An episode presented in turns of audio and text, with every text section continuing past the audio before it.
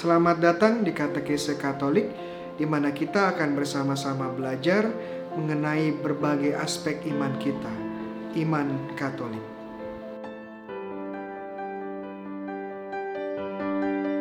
Shalom, teman-teman terkasih dalam Kristus, saya Romo Bayo Ope, dan selamat datang kembali di program Katekese Katolik yang dibawakan oleh Aquinas Center for Theology and Spirituality dan juga Faith Line. Pada seri katekesi kali ini kita akan bersama-sama belajar dan membahas tentang kisah sengsara, wafat, dan kebangkitan serta kenaikan Yesus ke surga, terutama berdasarkan Injil Matius. Setelah episode lalu kita bersama-sama membahas tentang Taman Getsemani dan juga peran Yudas Iskariot dalam peristiwa sengsara Yesus, kita sekarang akan memasuki babak baru dari kisah sengsara Yesus menurut Injil Matius, yakni Yesus di hadapan Imam Agung dan Pilatus. Yesus di hadapan Imam Agung dan Pilatus. Setelah ditangkap, Yesus dibawa ke Mahkamah Agung, agama Yahudi. Kelompok ini biasanya disebut sebagai Sanhedrin. Kelompok ini terdiri dari 71 orang anggota dan dipimpin oleh Imam Agung. Komposisi keanggotaan dari Sanhedrin sendiri berasal dari keluarga besar Imam Agung dan juga para penatua atau rabi baik dari kaum Saduki dan juga Farisi dan juga ada ahli-ahli hukum Taurat. Walaupun anggotanya adalah para pemuka agama Sanhedrin, tidak hanya mengatur masalah keagamaan, tetapi oleh kerajaan Roma mereka diberi kekuasaan untuk secara efektif mengatur peraturan dan hukum sipil. Mereka boleh memiliki semacam polisi yang dapat menindak dan memenjarakan orang-orang yang dianggap melanggar peraturan. Mereka bertindak sebagai para hakim yang memutuskan berbagai perkara, baik keagamaan maupun sipil. Tetapi ada satu hal yang tidak bisa mereka lakukan, yakni menjatuhkan hukuman mati. Jadi setelah memerintahkan penangkapan Yesus di Getsemani, Kayafas sebagai imam agung pada saat itu langsung memimpin Sanhedrin untuk bersidang di rumahnya untuk mengadili Yesus. Injil Matius mengatakan bahwa para penatua membawa banyak saksi palsu. Hal ini mengindikasikan bahwa bagaimana oknum-oknum berkuasa ingin sesegera mungkin menghabisi Yesus. Tapi di sini lain bagaimana mereka tetap melaksanakan prosedur persidangan seolah-olah Sanhedrin merupakan tempat mencari keadilan. Tetapi apakah semua anggota Sanhedrin ini adalah orang yang ingin Yesus mati? Jawabannya tidak semua.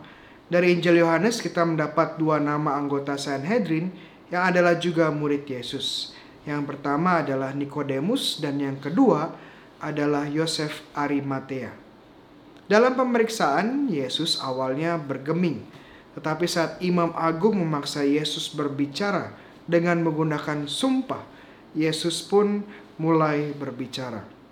Yesus mengerti di satu sisi tidak bisa melanggar sumpah, tetapi di sisi lain dia hanya bisa mengatakan kebenaran. Akhirnya dia menjelaskan siapa dirinya. Engkau telah mengatakan, akan tetapi aku berkata kepadamu mulai sekarang kamu akan melihat anak manusia duduk di sebelah kanan yang maha kuasa dan datang di atas awan-awan langit. Perkataan Yesus ini merujuk pada nubuat Nabi Daniel bab 7 ayat 13 mengenai sosok anak manusia yang misterius yang diberikan kekuasaan kekal oleh yang maha kuasa dan menjadi raja segala bangsa. Tentunya iman agung marti nubuat ini dan dia tahu Yesus mengklaim bahwa dialah sang sosok anak manusia yang berkuasa bersama Allah Bapa di surga.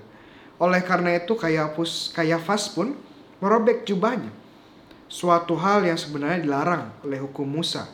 Kita bisa lihat di buku Imamat bab 10 ayat 6. Tetapi dia tidak lagi menahan lagi amarahnya saat Yesus menyamakan diri dengan anak manusia ini. Kemudian Kayafas pun memberikan keputusan bahwa Yesus telah menghujat Allah karena menyamakan dirinya dengan Allah. Sebuah klaim yang tidak pernah terdengar sebelumnya. Persidangan yang kedua terjadi di hadapan Pontius Pilatus. Kenapa harus dibawa kepada Pontius Pilatus? Karena Sanhedrin tidak memiliki kuasa untuk menjatuhkan hukuman mati. Mereka pun harus membawa Yesus ke hadapan wali negeri atau gubernur Romawi di Yudea, yakni Pontius Pilatus. Karena penghujatan terhadap Allah masuk dalam ranah hukum agama, dan bukan tanggung jawab Pilatus, Imam Agung pun mengubah tuduhan terhadap Yesus bahwa dia adalah seorang pemberontak yang mengklaim sebagai raja orang Yahudi. Yesus dituduh makar, menyamakan diri dengan kaisar Romawi.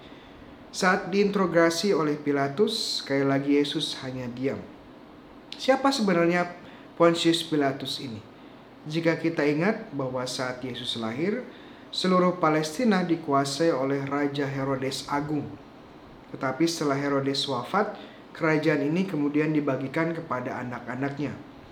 Galilea atau Palestina Utara diserahkan kepada Herodes Antipas.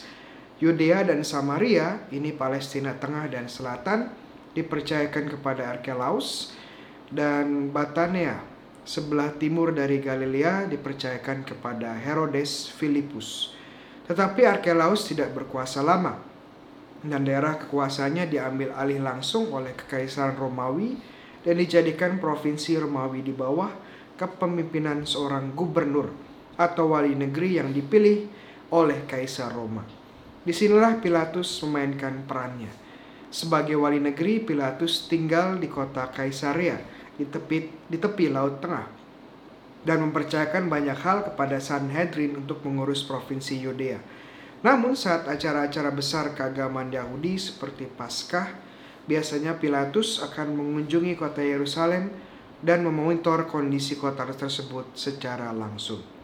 Menurut Yosefus, sejarah, seorang sejarawan Yahudi yang hidup di abad pertama Masehi, Pilatus terkenal sebagai pemimpin yang represif dan bahkan kejam. Menurut Yosefus, dia menggunakan cara-cara yang keras, bahkan mematikan untuk menghentikan pergolakan yang terjadi di Yudea. Jika gambaran yang diberikan Yosefus ini benar, lalu mengapa di Injil Matius Pilatus seolah-olah digambarkan sebagai seorang yang simpatetik terhadap Yesus? Matius memberikan alasannya bahwa istri Pilatus mendesak Pilatus agar tidak berurusan dengan Yesus karena dia menderita di dalam mimpinya dan menyatakan bahwa Yesus adalah orang yang benar. Bisa kita lihat di Matius bab 27 ayat 19. Pilatus juga mengerti motivasi dasar kenapa Yesus dibawa kepadanya, karena iri hati.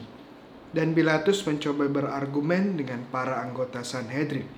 Namun situasi semakin memanas karena desakan para penatua dan kekacauan pun mulai terjadi Pilatus sebagai wali negeri memiliki tugas untuk menjaga stabilitas dan keamanan daerahnya. Jika terjadi pergolakan, apalagi melibatkan jumlah massa yang sangat besar, tentunya Pilatus akan mendapatkan masalah yang besar juga. Akhirnya Pilatus menunjuk sisi aslinya. Dia tidak berbeda dengan para penatua Yahudi yang ingin tetap berkuasa dan menghalalkan segala cara termasuk menghabisi nyawa orang tidak berdosa. Dari sini kita coba melihat tokoh satu lagi yaitu Petrus. Petrus menyangkal Yesus tiga kali. Bagian penting dari kisah sengsara Yesus adalah Yesus tidak hanya dikhianati dan dijual kepada para penatua, tetapi juga murid-muridnya lari meninggalkan dia. Secara khusus Simon Petrus yang adalah salah satu murid terdekat Yesus dan juga pemimpin para rasul. Akhirnya karena takut menyangkal Yesus tiga kali. Hal ini sendiri sudah dinubuatkan oleh Yesus saat perjamuan terakhir. Petrus menjawabnya, Biarpun mereka semua tergoncang, imannya karena engkau, aku sekali-sekali tidak. Kemudian Yesus berkata kepadanya, Aku berkata kepadamu sesungguhnya malam ini juga sebelum ayam berkokok, engkau telah menyangkal aku tiga kali. Dari Matius bab 26, 33 sampai 34. Jika kita perhatikan dengan seksama peristiwa penyangkalan ini, Petrus berada di halaman rumah Imam Agung, tidak jauh dari tempat Yesus ditahan dan diadili.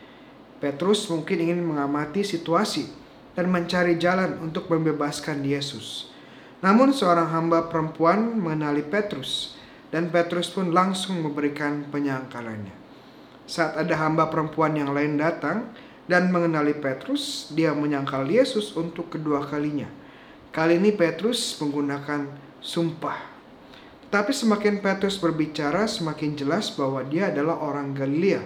Karena walaupun sama-sama berbahasa Aram, aksen orang Galilea itu berbeda dengan orang Yudea. Orang-orang Yerusalem tahu bahwa sebagian besar pengikut Yesus berasal dari Galilea.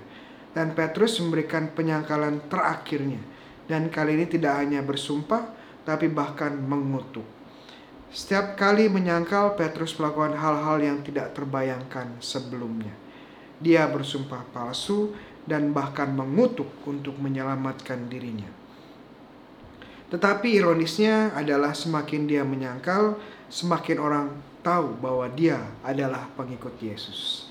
Ayam pun berkokok dan Petrus menyadari bahwa nubuat Yesus adalah benar dan dia seperti murid yang lain meninggalkan Yesus.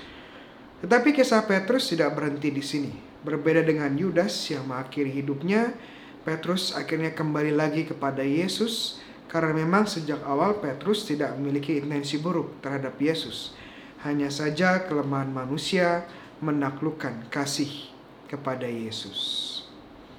Menarik, tapi kita akan lanjutkan pada episode berikutnya di mana kita akan lebih dalam lagi mempelajari kisah sengsara dan kematian Tuhan kita Yesus Kristus.